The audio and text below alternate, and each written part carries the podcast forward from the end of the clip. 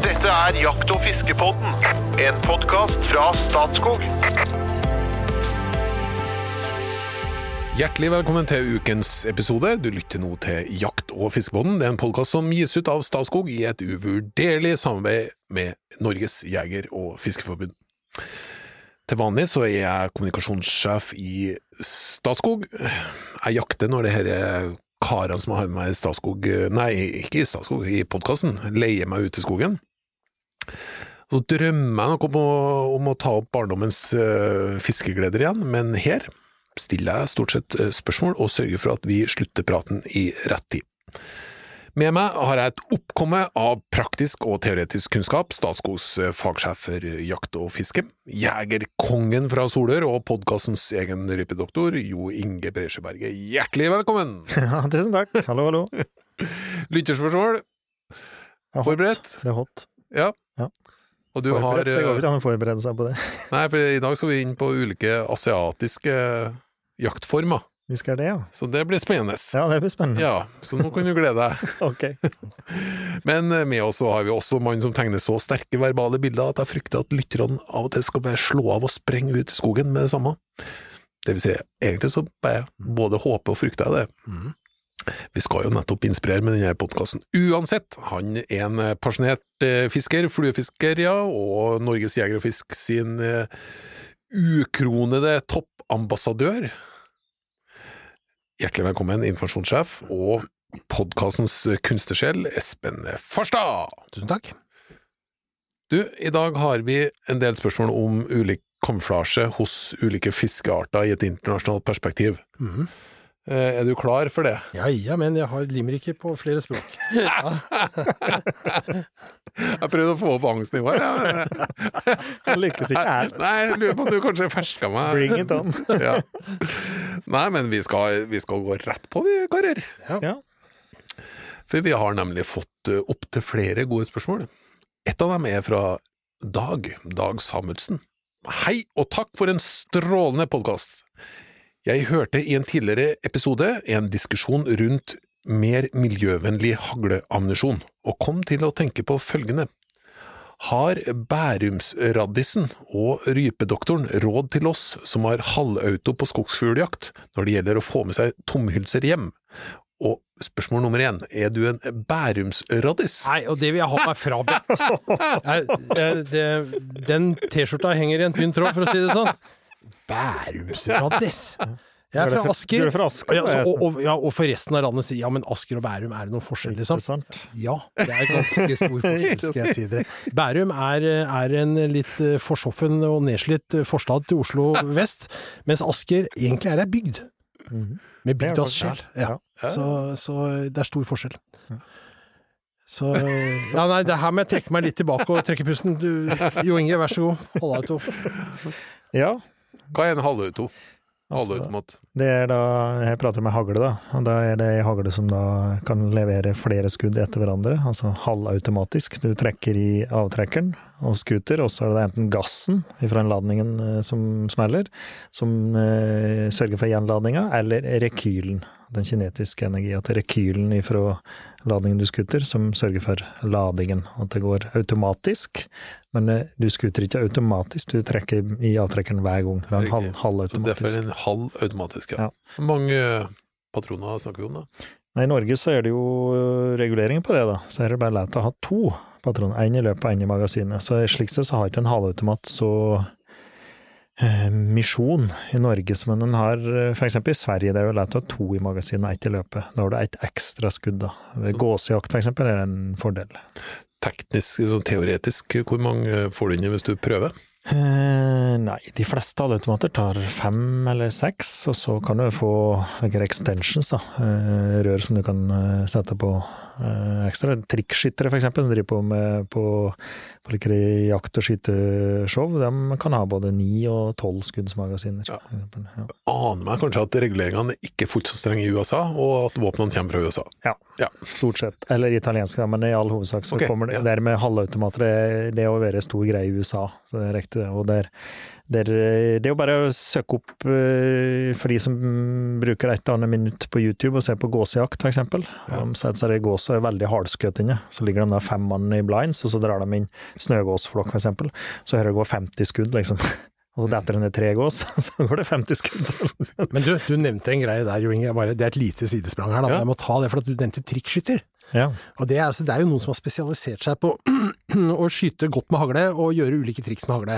Mm. Og det, er, det må jeg bare anbefale alle. Altså, har, får du anledning til å gjøre det, så må du gjøre det. Dra og se på en sånn trikkskytter. Jeg har, Ok. jeg har vært og sett på en svenske, men det fins veldig gode norske også. Eh, Det er ikke det. Kenneth eh, Aspestrand. Ja, jeg Veldig god. Veldig flink, for- ja. for all del. Men jeg var og så på en forestilling med Jokke Smålending Jokke Smålending. ja. på en messe nede i Sverige. Det var altså ikke til å tro. Der står Jokke Smålending, ikke så veldig svære karen, eh, litt breibeint, med en cowboyhatt på huet av skinn, litt åpen brystkasse med noen gullsmykker, og en mygg, sånn mikrofon så han kunne prate i ett, liksom, med den der hagla, med den der halvautomaten, ikke sant? Og skyter noe så ubeskrivelig sinnssykt bra at du tror det kan ikke være mulig, liksom. Han hiver opp liksom sju lerduer med venstrefoten som han har balansert opp i lufta, og skyter dem ned i regnbuens farger i riktig rekkefølge, liksom, før de treffer bakken igjen, og holder på, ikke sant. Og kjeften går i ett mens han står og holder på med dette her sånn. Veldig trivelig. Ja, ja, jeg heter Ja, Jokke prat med- Smålending. Mange så undres hvorfor heter jeg det jeg heter. Jo, det er fordi farsan heter Smålending, sier han. Og så, og så fortsetter han liksom og skyter fra hofta hele tida. Men han var altså faktisk tok også opp et salonggevær og pælmer en golfball opp i lufta og skyter den golfballen og sier på, for, på forhånd og nå skal jeg treffe den golfballen så den farer til høyre. Og det han. Så han skyter på venstre sida av golfballen i lufta med, med Altså, det er helt sjukt. Veldig, veldig morsomt. Altså. Så anbefales. Og som sagt, da, det fins norske som også gjør det. da. Så de har sett på sånne westernfilmer, det kan være sant, altså. De kasta opp en sånn, og så skjøt de hull. Ja. Og det, og det ligger òg på YouTube, for de som måtte bruke litt tid der. Men dette var et veldig langt sidesprang. Jeg bare kom det på den bra sidesprang. Ja. Men det, men det er noen da som spesialiserer seg. Jokke er egentlig veldig trivelig. Kenneth i Norge, Kenneth Aspestrand driver på med det. Og så er det en eh, amerikaner, Tom Napp eller noe heter han. Eh, og- altså, så har de satt verdensrekorder, da. Og så er det noen litt yngre karer som kommer på som ikke kan navnet nå, da. Men Men de bruker jo halvautomat, og det var det som det er stort sett halvautomater det går i. Nei, men Dag Samuelsen, da Nei da, da gjør jeg ikke det. Og, det, og det er jo nå ufattelig mye skudd, da, Dessverre skutter. Og er ekstremt god. Jokke er jo jævlig god til å skutte med rifle òg, beklager nå bannet. Han er ekstremt god til å skutte med rifle òg, vært svensk mester på det òg. Uh, og jeg vet at de tester en Benelli, da, han for Benelli. Da testa de en Benelli og så lenge den gikk uten noe vedlikehold. De bare puttet skudd inn, og så skjøt. Og den var eh, Da husker jeg at de hadde loggført over 280 000 skudd i den før fjøra, altså tennåla gikk. Det var det eneste de bytte, og så bare skjøt de videre med den. Du, apropos Benelli, Sabatti. Eh, italienerne, eh, er, er det en stormakt på våpenmaking? Ja. Ja. ja. Som har en historie på det? Så, Det har de. Sveits har på klokka, liksom? Hvis du ser på, ser på hagler, da, så er det amerikanere. Da er det gått veldig mye i halvautomater og, og pumpehagler. Og da er det til både til jakt og konkurranseskuting, og ikke minst forsvar og politi i USA. Store, store på det. Og så har du et område rundt Brescia, altså i Italia, altså Beretta, og, og alle de som har vært rundt Beretta. Og nå er de fleste kjøpt opp til Beretta. Starta i 1526 og begynte å produsere våpen, som er en ganske lang historie. så har du en historie der. Og så er det jo noen rundt, liksom i Spania er det en ganske stor produsent, og i Tyrkia er det noen store produsenter. Og i, Russland er faktisk har Baikal, da. Ja, og i Tsjekkia, vel? Brno og sånn, er ikke det Ja, derfra? og så er det de gamle østblokklandene. Så, så det er noen like, og tyskere, så det er noen like produsenter rundt, men det er, i all hovedsak er det italienere og, hvis du ser litt stort på det, italienere og amerikanere som liksom har Mm. Fire. Men så snakker vi også om gamle engelske sideliggere. Purdy og sånn. Ja, ja, ja. Da snakker Men det er liksom litt mer for Engelskmennene kjenner jeg dem rett, så har de bare holdt på det, så de har nekta å lage noe annet enn sideliggere. Ja, ikke sant? Ja. I tre kvart tom i stedet for og så videre. Og det er like dere, du kommer ikke fortsatt ikke på de rette drivjaktene i England, men over og under. Nei, det skal være som sideliggere, og de ser ut som de gjorde det da på 1800-tallet. Men eh, vi, nå prater vi oss litt bort. Ja. Dette, mener vi, dette kunne vi prate opptil flere minutter om. Ja. Men eh, han lurte på tomhylser og halvautomat. Ja, jeg, ja. Ikke sant? Og har et greit poeng. For, for det første, vi skal ta med stomhylsen. Og det er banna bein, det mener jeg altså. Samme søren, du skal ta med deg tomhylsen hjem igjen. Har du skutt så skal du ha her med snakker vi om plastikk, eh, ikke sant? Det, Ja. det, det, Enn så lenge videre. så Ja. er det plastikk. Mhm. Eh, og du skal ikke veldig langt tilbake i tid, så var det papp. Impregnert papp. Men eh, så har alt gått over til plast. Og så er det er plast, så plastforladning og den der koppen da, som hagla ligger i, og, eh, og tomhylsen. Og et triks da, som jeg har når jeg jakter med halvautomat, er rett og slett å ha, ha patroner med farve på, da. Altså røde patroner, eller patroner som er lette å finne igjen. Ja. For jeg har skutt i mange år med grønne patroner. Altså ja, Vi skal ikke prate om slager, da, men eh, som hadde grønne tomhylser. Det er et helvete. For du finner dem ikke igjen. Ja, for det, det som vi ikke har sagt, da, det er jo at en halvautomat skyter jo patronhylsa ut, ikke sant, Ja, når du har skutt. Ja, Mm. så den forsvinner jo liksom inn i skauen, sånn høyre bak deg, ikke sant? Ja. Ja. Og kan gå en meter eller to. Ja. Ikke sant? Så den, litt etter med harde ladninger, så skvetter det seg patronhylsen tur, da. Mm. Og, det, og det er et tips også, dere grønne hylsene, som er- eller grønne patroner, som skjøt en del med, de, var, de er nesten kul kramp å finne igjen. Mm. Og da ligger den her, og den her blir jo ikke borte. Nei. Og vi har, jo, vi har jo egentlig nok plast i havet, og eh, så, så det er liksom bare å skjerpe seg og ta det med. Og, og er det noe som irriterer meg, når jeg går på, på fuglejakt eksempel, og så finner jeg tomhylse etter andre, det klarer å irritere meg, eller duejakt. Mm. Så ligger det plutselig, du, plutselig tomhylse kanskje på jordet eller i jordekanten. Mm. Det er ikke noe likt dere bøndene liker heller. Så får du jakt, og så får du lov til jakt, liksom, så li- ligger tommelsen igjen. Det ligger plastikk igjen. Nei, det er no go. Mm. Men så er et tips da er å ha hylse med farve på. De er i hvert fall lettere å finne igjen. Det var jo egentlig et veldig konkret og godt tips. Men, men det kommer eh, Det kommer jo alternativer der òg. Så det, nå er det faktisk i handelen. Eller det kommer i hvert fall. Eh, patroner da, som har nedbrytbare. Mm, altså som er fullt nedbrytbare. Og det- Men de skal, Det de skal jo ikke ligge igjen av den grunn, da. Liksom, jeg syns fremdeles du kan Nei, men, men hvis de blir liggende igjen, ja, så, så, så går de helt til oppløsning. Da er det ikke hatt noen ting. Det er altså det er eh, en type cellulose, altså sukkerpapir, som da rett og slett går i oppløsning. Og det, og det, er, det er alt på hylsa går i oppløsning, Mm. hvis du skulle da legge igjen den. Og ei plasthylse, den kan ligge i mange år.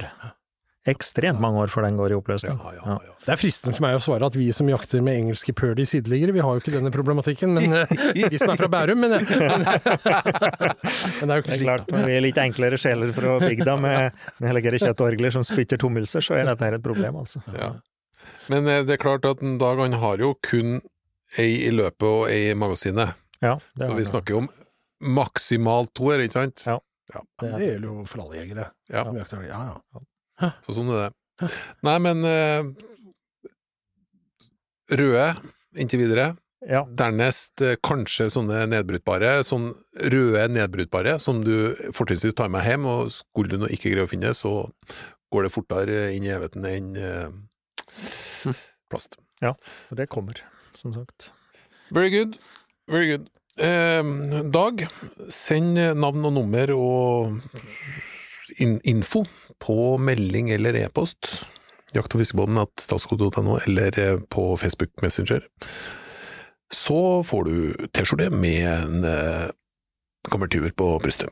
Han var jo litt miljøbevisst, han fyren her, egentlig. da. Jepp. Det er bra, for det bringer meg over på en limerick som går på akkurat det med Å. miljøpåvirkning. Ja, se der, se der, og eh, engstelse. Ja. Ja, det skulle kunne bare mangle. ja. Det er riktignok på fiskesida, da, men eh, jeg må jo bryte inn med noen fiskelimericker her for å balansere denne podden Ja, det syns innimellom. Ja. Så det var egentlig en eh, en, en, en, en, en miljøpåvirkning og engstelse, heter den. En engstelig hobbyfisker bosatt oppå Hell dro på fjorden for å dorge seg makrell. Han var fremdeles redd for Tsjernobyl og for fiskens molekyl, han ville ikke ta en fiskestamp full av becquerel. Uh. Jeg sto og venta på, på toget på, På Hell. på Nei, det var stasjon eh, etter Hell. Steinkjer. Ja, og da hørte jeg The train has left hell. ja, sånn er det. Men ok, apropos det. Eh, ikke apropos hell, men eh, apropos eh, fiske. Jeg er klar for valgets kval, folkens. Ja. Ja da. Ja. Syns jeg har vært litt flink denne gangen. Gode ting, gode ting. Du- Espen, du skal få svar først. ja, bra. Fluefiske i solnedgang, eller kveitefiske i ruskevær? Nei, det blir fluefiske i solnedgang. Helt opplagt. Ja. Nei, jeg har lyst til å svare kveite, da. ja. Er du sjøsterk? Ja. Ja. Jeg har faktisk aldri vært sjøsjuk. Og Han er gjennomgående rolig fyr. Han, så han har små utslag. Ja. Er ikke så følsom, nei. Nei, ikke det? Ikke det? liksom litt, litt flat. Ja. Nei, men én en fluefiske og en kveitefiske. Ja, det ble fiske. Ja. fiske. Du merker det er veldig mye fiske her nå. Ja. Mye fiske, Og jeg går over til et fiskespørsmål. Ja, Jeg bare nevner det òg. Nils Ronny Andresen Simensen. Etter å ha hørt episoden om å pimpe fiskebåter eh, Ja, egentlig eh, Etter å ha hørt den Jeg, jeg, jeg fikk en melding eh, med en kort videosnutt fra Det blide Sørland, eh, der han hadde eh, tatt en eh, film, speilblank vannoverflate med en fiskekajakk med trådpropell. Og han anbefalte det på det sterkeste. Og så har han et spørsmål, men har, har dere prøvd det? Fiskekajakk med trådpropell? Ja, altså Ja, ja, han, nei, altså, han satt og sykla, da. Ja, ja, det var sånn ja, riktig. Ja. Ja. Har du prøvd det? Nei, Nei. Nei, ikke heller. Jeg bare prøvde på På lekeland. Ja. Ja, sånn, sånn svane har du hatt. Ja, fiskesvane. Ja. Ja. Men uh, i forbindelse med den videoen da, så kom han med et veldig konkret spørsmål. Hva anbefales å ha i enden av snøret ved dorging etter sjøørret, skråstrekk ørret? Ja, det var et veldig generelt spørsmål, Ja. vil jeg si. Ja. Og kanskje litt forskjell på sjøørret og ørret også. Altså, i utgangspunktet så skal du tenke som en ørret, da, som vi prøver å si, hvis du er litt usikker på hvordan ting er. Og hva er det ørreten har lyst til å Hva tror du trigger ørreten? Jo, det er jo et eller annet bytte som ligner på det byttet den ellers er ute og beiter på, da. Og i sjøen så vil jo det typisk være sånn eh, sild og brisling, altså små sildelignende greier, så da ville jeg brukt eh, noe som gikk Det kommer litt av hvis du, hva slags dorgefarkost du har. Eh, hvis du har en eh, Hvis du ror, for å ta det ene ytterpunktet, da, eller kanskje til og med padler kajakken nettopp, padler med kajakken, Ja. så, så, så er kanskje ikke farta så kjempestor. Da er det viktig også å velge en sluk som har mye bevegelse på lite fart. På lite mm -hmm. fart, ja. Ja, ikke sant? Da er kanskje en stingsild litt dumt, for den vil gå, bli litt død på sakte fart, ikke sant? Ja. Og kanskje til og med gå litt dypt. Så da har vi mer en type Tåby-lignende sluk, ikke sant? Som er, som er En wobbler, tynnere. kanskje? Og en wobbler, selvfølgelig. Det, det er liksom de to som peker seg ut. av Wobbler er jo liksom Dorge-saken, da. For den, Ja. ja, og, og, og den kan du jo velge en type wobbler som går på ulik dybde, etter hvordan uh, du tror at fisken tar den dagen. Så da en, en, en wobbler som ligner på den silda brislingen som du tror er i sjøen der og da. Mhm. På, på i et fjellvann eh, eller et, eh, et eller annet større vann med ørret, så kan det for så vidt samme strategien gjelde, men det kan være litt sånn eh, Da ville sett litt på vannets beskaffenhet, rett og slett. Er det et veldig krystallklart vann, eller er det et litt mer brunaktig, mørkere, humusfarga vann? Du må liksom Nei, du må se deg rundt. Kikke litt, tenke litt. Hm, her tror jeg kanskje at det passer bra med en Hvis det er et eh, et vann som er smekkfullt av ørekytter, da. Kanskje du skal ha en sluk som ligner på en liten ørekytte, hvis du dorger langs land, eller ja. Nei, det er, det er litt vanskelig å svare helt generelt, men Mm. prøv å tenke som den byttefisken du er på jakt etter. Og så imiterer du der. Wobbler er jo selvfølgelig et veldig godt drivstoff. Den kan du, du, du kan få den i sånn flytende eller intermediate, og som gjør at hvis du stopper Hvis du opp av en eller annen grunn, ja, så, den opp så går den ikke til bånn og blir borte. Så drar den seg nedi. Jeg dorger fryktelig mye med wobbler. Ja. og, det, og det er slike små fiskelignende, da. Altså Ja. sølv og med litt merk rygg, for eksempel. Det er litt rappa da vi snakker om, Litt egentlig. vi prater. Ja, ja, det det er funker jo, eller original, tror jeg faktisk han heter til og med. ja, ja. Og det er slikt det som kan funke på det meste. Råfisk. Langsmal, svart sølv. Langsmal svart sølv Ja. funker som fjell på, på det meste som eter fisk. da. Ja. Og som så er det, selv om han da stopper med å padle, så vil den da, hvis den er flytende for eksempel, så skvetter den jo bare opp igjen, og så blir den liggende i vassflata, og så går den ned når han begynner å padle videre. Det, Men hvis du begynner da, i fiskeboksen, og så tenker vi ja, kanskje den, den, den sluken her prøver jeg. Hvor lenge skal du holde på før du bytter?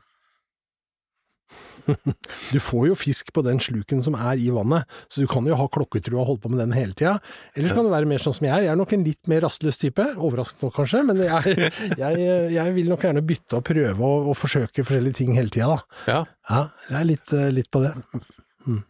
Mens jeg ville hatt hatt eh, eksempel to eller tre stenger ute, hvis jeg dorger, og så med, Ja, man skal jo fylle en eller annen fryser, ikke sant? med forskjellig agn, og så tar jeg det, eh, så velger jeg til det som måte, virker, da. Plutselig så er det noe som slår til mer enn andre, og så, byt, så jeg prøver å bytte litt, og så heller da gå for det som jeg får fisk på.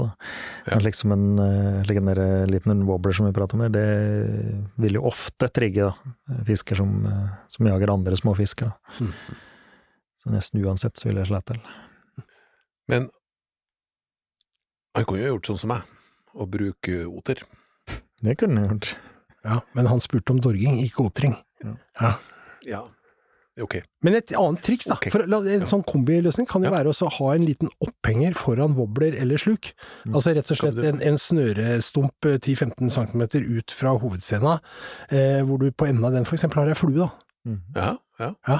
Og da, da vil du jo også kunne imitere egentlig at eh, den eh, wobbleren som kommer bak, egentlig Ja, jager på det agnet. Det kan det- ja. trigge litt sånn der Ja, ja. Nå skal jeg fort meg ta den før han tar den, ikke sant? Ja. Ja. Tror vi, da. Ja. Tror, tror vi, da. Ja, ja. Når man sitter der og padler, så tenker man sånt. ja, ja. Nils Ronny, nå ender du opp med T-skjorte. Det var, det, det, det så ut som en vakker opplevelse du hadde på det blide Sørland, på den speilblanke overflata. Eh, håper at du fikk gode innspill på eh, dorginga etter sjøørret og ørret. Vi glir over til Simen Åkvåg. Herlig å se dere på Naturkanalen. Jeg har et spørsmål knyttet til behandling av feltrådyr. Ønsker å prøve meg på bukkjakt i år, men lurer veldig på hvordan jeg best mulig tar hånd om dyret etter felling. Har satt pris på en praktisk tilnærming til fremgangsmåte, fra skudd til ferdig slakt for oss som dessverre ikke har åttefrysere og dedikerte kjølerom.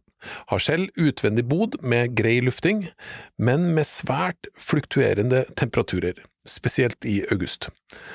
Har for øvrig lurt på å skaffe meg et kjøleskap eh, for å mørne i. Kanskje har gutta noen erfaringer med dette. Mm. Eh, ja, nå, jeg, kan, jeg kan bare si først, vi har jo hatt en episode der du tar oss med verbalt, Jo Inge, fra eh, elgen detter til den er ferdig mørna. Mhm.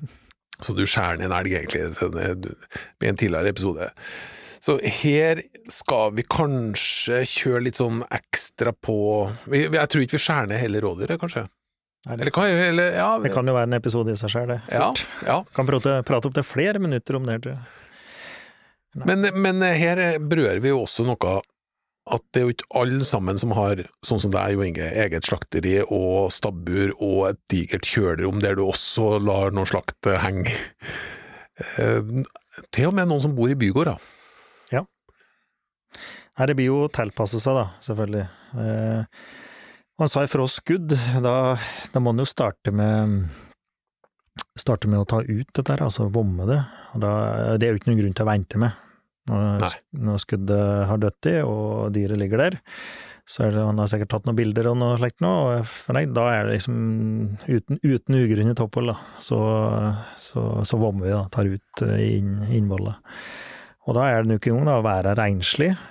Helst så skal det ikke være noe vom der, så vi antar at det er et eh, helt og pent slakt. Uh, tømmer det for blod og ut med innvoller. Og det er klart, en bukk eh, da i august, den går jo og markerer fortsatt ganske mye, så ganske mye urin i blæra. Den kan sette smak. Det er noe med å ta ut det her uten å, å få urin på slaktet, eksempel. Mm. Og være neie når en eh, tar ut endetarmen òg, så at det ikke er noe du ikke får med deg bakterier derifra. Altså generelt, da, være neie med det. Det finnes det video på nettet, eller altså hvordan du skal gjøre det hvis du ikke kan det fra før, eller gå et kurs, da, for eksempel. Men, Mm. men vær neie, for det, du legger grunnlag der. Når, når denne her går rundt i skogen, så er den jo steril og er i orden. Mm. Og så skuter den, og så er det det som skjer etterpå. Det er det vi tilfører bakterier, eller klarer å kåle det til, da. Så ikke, ikke rive og slite og ødelegge og få søle vom eller gørr altså inni, eller, eller urin eller ekskrementer. Så det regner med at det er greit. Og så åpne minst mulig, hvis du må dra den eksempel ut til terrenget. Mm. Og rådeslakt slakt ofte såpass lett at du kan bære den, så, Ja. så jeg bruker å ta ut alt i skogen, men hvis du skal dra den, så er det å åpne minst mulig, så du ikke får jord og, og bakterier inn i, inn i åpningen du tar opp, da. Mm. Eh, og så er det å komme hjem, og det er klart at når en har en bod som man har, som man, her er det varmt, så man må tenke på fluer. Så man må på med et fluenett med en gang, og ikke få Mm. spyfluer her, og få maggot. Det kan være litt utrivelig. Mm. Og så skal det da være så kjølig som mulig, da, for jeg er vant til at det- der han bor er det ganske varmt denne tida her, da. Det kan jo være lett 20 grader på dagen. Og det er en utfordring for å få mørne er slakta her eh, ordentlig, og gjøre det ordentlig. Og det skal henge luftig og tørt, og så kaldt, egentlig så kaldt som mulig du får det til på sommeren, så lenge du ikke har kjølemulighet. Ta av pelsen. Ja. Eh, når jeg henger det i kjølerom, så bruker jeg å henge dem med pelsen på, og lar dem da kjølne i pelsen. Men øh, han, han da som ikke har mulighet til, så da vil jeg anbefale å ta av pelsen, for det kan bli for varmt, for du bevarer en del av varmen i pelsen, faktisk. Uh, og da tørker det òg ut en del, da. Slaktet. Du bevarer mer fuktigheten i slaktet hvis du lar det henge med pelsen på. Så jeg lar det stort sett henge i kjølig over netta, og så henge den på kjølerommet, da, når jeg har den muligheten. Okay. Mens han må da kjøle ned, så jeg, jeg, han kan jo kjøle ned i pelsen, og så ta til pelsen, og så la den henge, for eksempel. Det er jo en mulighet, da. Det bruker jeg gjøre. Men eh, som Espen sier, du kan ta av pelsen, så vil du da få kjølt ned litt fortere, da. Mm. Og så er det Her må du ha kontroll på temperaturen. Og hvis det er 20 varmegrader om dagen, så er det bedre også å skjære ned tidligere enn å la, la den henge for lenge, da. Det går veldig fort i forråtnelse. Det er jo så varmt at det, Mm. du får i gang bakterier og nedbryting er ganske kjapt der. Da er det bedre å skjære ned én dag for tidlig enn for sent. Vi snakker om noen døgngrader, er vi ikke det? Ja, vi bruker litt generelt, da. Så sier du det skal henge 40 døgngrader, og det er stort sett ufarlig. Altså om det henger 60, og noen kan henge 80 òg. Det vil si to dager i 20 grader? Ja, To døgn? det- ja, Mm. to døgn i 20 grader, da. Nå er det sjelden 20 grader hele døgnet, men, men eh, jeg ville heller ha valgt å skjære ned tidligere, da. Dette er jo møre i utgangspunktet, så, så jeg ville da hengt den da, uten pelsen, hengt den i skygge, luftig så luftig som mulig, med nett, og så hengte det over første dagen, og så hadde jeg kjent på den og luftet på den og greier, og så hadde jeg, hvis det er kjølig om natta, så ville jeg hengt den til den andre dagen, og så hadde jeg heller skøret ned da, ja. Jeg har to, to, to eh, ting til det, Jo Inge. Det ene er at eh, det kan hjelpe faktisk å sette opp ei vifte. Ja. Eh, I en sånn bod, ikke sant? Han har Mm. sikkert strøm i den boden. kjølig og, og luftig. Sett på en sånn der vanlig sånn vifte som du Som kjøpe på. kaldt. Ja. Ja. Ja, den blåser i hvert fall, så den Ja. skaper luftinga, ikke sant. Så tørk, tørkinga, på en måte. Andre er jo, altså hvis dette er eh, Hvis han bor på Østlandet og han skyter en bukk 10. august, så er det jo veldig ofte ganske så varmt på dagen. Ja. For varmt, egentlig. Mm. Da kan det være like greit å skjære ned vakuumpakke og putte det i kjøleskap, og la det mørne der. Og, det, og den For da har du en forutsetningen kontrollert Ja, at, forutsetningen han har et stort nok kjøleskap, så er det en greie, da, ikke sant. Også, Ja, ja, men han da, sa jo at han vurderte å kjøpe kjøleskap, og det kan si, det må du bare fortsette med, for i den boden er det sikkert plass til et gammelt kjøleskap, og det trenger ikke være nytt og fancy. Nei. Så det får du hivd etter deg på Finn, hvis du vil ha det. Mm. Og, så, og, så, og så tar du vakuum, kjøper en vakuumpakker, vakuumpakker dette, og da har du fire grader og full kontroll på døgnmurninga. Kan jeg spørre, hvorfor gjør du det? Hvorfor venter du med det? For at jeg har kontroll på temperaturen, så jeg mørner igjen da heller i, i friluft enn å gjøre det i kjøleskap. Jeg syns, øh, syns det er det bedre, da. Men, øh, men har du ikke det, så er det jo det å mørne i, i, i vakuumpakke, så har du, da har du kontroll på det. Men det er liksom noe med å Helst skal det slaktet skal få henge, og dødsdyret skal mm, slå til før vi begynner å skjære på dem. Skal helst ikke skjære på dem for tidlig heller. Og det er klart eh, da, da liker jeg også å kjøle det ned, da, og så la det henge tida si i kjølerom før jeg, før jeg skjærer det ned. Da. Mm. Men som du sa også, det er jo, rådyr er jo veldig mørt, Ja. så det, det er ikke det verste dyret å forholde seg til i forhold til mørning, dette her. Nei, altså. det er det. Jeg tok langtidsstekt eh, rådyr, men det vet, det vet jeg ikke om jeg skal gjøre igjen, for, for det syns jeg nesten ble eh, Du mista tyggemotstand. Ja, Ja. ja, det gjør Ja, det er det. Ja, Du mister liksom substansen i ja det er det. Det Ja. kan, det kan bli for mye til det gode. Ja. Ja, det er det. Og det, det er derfor lar jeg heller ikke rådyr henge for lenge heller. Det er ikke nødvendig å la de henge En elg, for eksempel, en stor elg, så kan det være greit å la den henge veldig lenge hvis du har muligheten til det, og Ja. kontroll på temperaturen, mens det trenger du ikke på et rådyr. Det er mørkt nok. Det kan du slik sett ete med en gang, da. Og så sa han han vurderte kjøleskap, og da er det greia, kjøpe en vakuummaskin, og så legge det i et kjøleskap, få tak i et brukt kjøleskap. Eller han kan bruke et kjøleskap som kjølerom. Det er òg mulig. Det jeg har sett, det ligger da video på YouTube. De tar et gammelt kjøleskap, og så setter de inn vifte i her ende, altså ei i baten og ei i tappen. Type ei vifte som er på en PC. Som går an å få tak i, veldig billig, på nettet, på Alibaba eller her det måtte være. okay. Eh, så du får litt gjennomtrekk. Og så bruker da et gammelt kjøleskap, et stort eh, kjøleskap, og så eh, og lager det hengeanordning i taket, det, så du kan henge et rådyr inni kjøleskapet. Okay, okay. Så du bruker, lager det et kjølerom, da. Et gammelt kjøleskap om til et kjølerom. Det kan òg være greia. Mm. Og det finnes jo for kjøpt, uh, tyskere blant annet har det. Det ser ut som et kjølerom, er gammelt slik der tørkeskap, hvis du husker det, som Ja, kunne ja, ja. tørke, ser ut som det, men som da er en kjøleelement oppå toppen. Ja. Så er det i rustrykk for eksempel. Det kaster en 7000-8000 kroner. Det er jo alternativ til å bygge seg et eget kjølerom, da. Mm. Og kan ha plass til to rådyr, for eksempel, i det der. Hva du gjør, Espen? Jeg eh, tar med hjem og eh, tar av pelsen eh, nede i garasjen. Jeg har en garasje under huset som er sånn eh, Det holder, eh, holder ganske jevn temperatur. Det er nok litt, litt varmt der i august, men, eh, men eh, da har jeg liksom jeg har kontroll på det der, så jeg er heldig med det. Men jeg, eh, jeg lar ikke rådyret henge for lenge, nei. Det er ikke, jeg føler ikke at det er nødvendig, ass, rett og slett. Nei. Så, Og skal det være litt obs på med garasjer og kjellere, at de er ofte litt for tette. Så du får ikke bytte nøkkelufta, men det er fryktelig fort å få muggdannelse Ja. på slakt. Det, det er min erfaring. Men du som har eh, et av Nord-Europas mest moderne sl- gårdsslakteri, eh, du har, du har full kontroll nå Ja. på det, i det nye slakteriet, og da er det med luftfuktighet og temperatur og alt, liksom. Og da, og da får du beskjed, du, egentlig, når, når dere er ferdig? Det har jeg instrumenter til, da.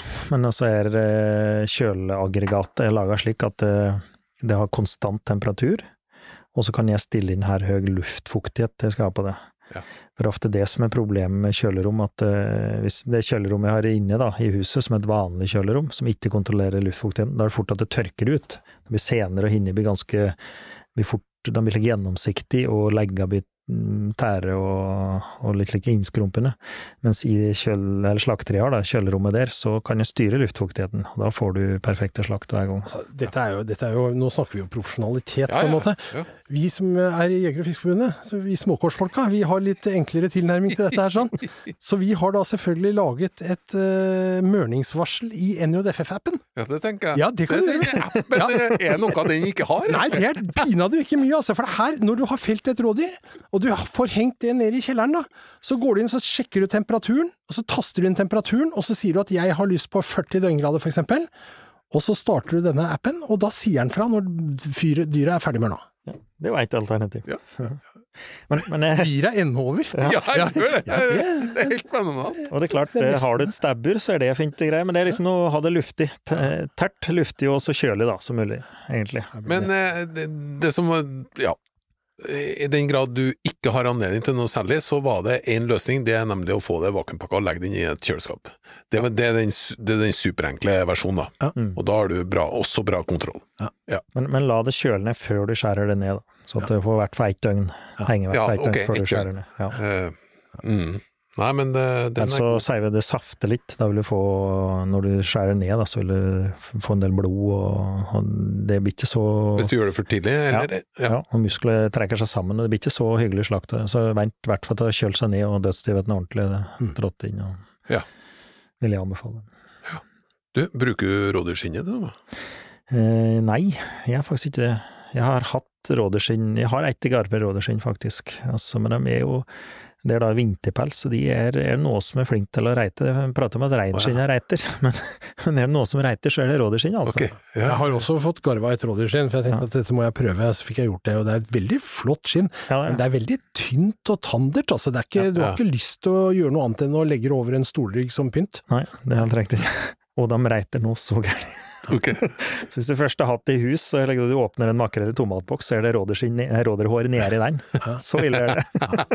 Ja, dette skal brukes til fluebinding, det. det, det er, Ja, ja, ja, riktig. riktig. Nei, men folkens, da har eh, Dag Samuelsen, Nils Ronny Andresen Simensen og Simen Åkvåg fått eh, svar på sine spørsmål, og har fått anledning til å motta eh, tidenes eh, vakreste T-skjorte fra Jakt- og fiskebonden, når de sender inn litt info til meg. Da er vi klar for å gå ned for landing med hot or not. Eh, Eh, Jeg lurer på hvem som skal starte i dag. Jeg. Er det noen som føler at de er litt frempå i dag? Nei. Ja. Nei, men da er vi klare. Ja. TV 2-programmet The Voice, hot or not? Not. Hot. Norske solcelleparker, hot or not? Er hot. Ja, hot. Ok. Dette blir lagra i all evighet. Vannkraft, hot or not? Ja, det er hot. Ja, det er hot, ja. Dagsnytt 18 på TV, hot or not? Hot. Hot. Langholdsskyting, hot or not? Ja, skyting. Hot. Ikke, du sa ikke jakt, så skyting. Så hot, ja. Det er hot på alt, ja. Fra albumet DDE det jul igjen, låta Ho, ho, ho, sa nissen. Gi meg lov! Herre mulig. Nei, men det var et enstemmig rungende hot i studio. Takk for følget, og velkommen tilbake til Jakt- og fiskebåten.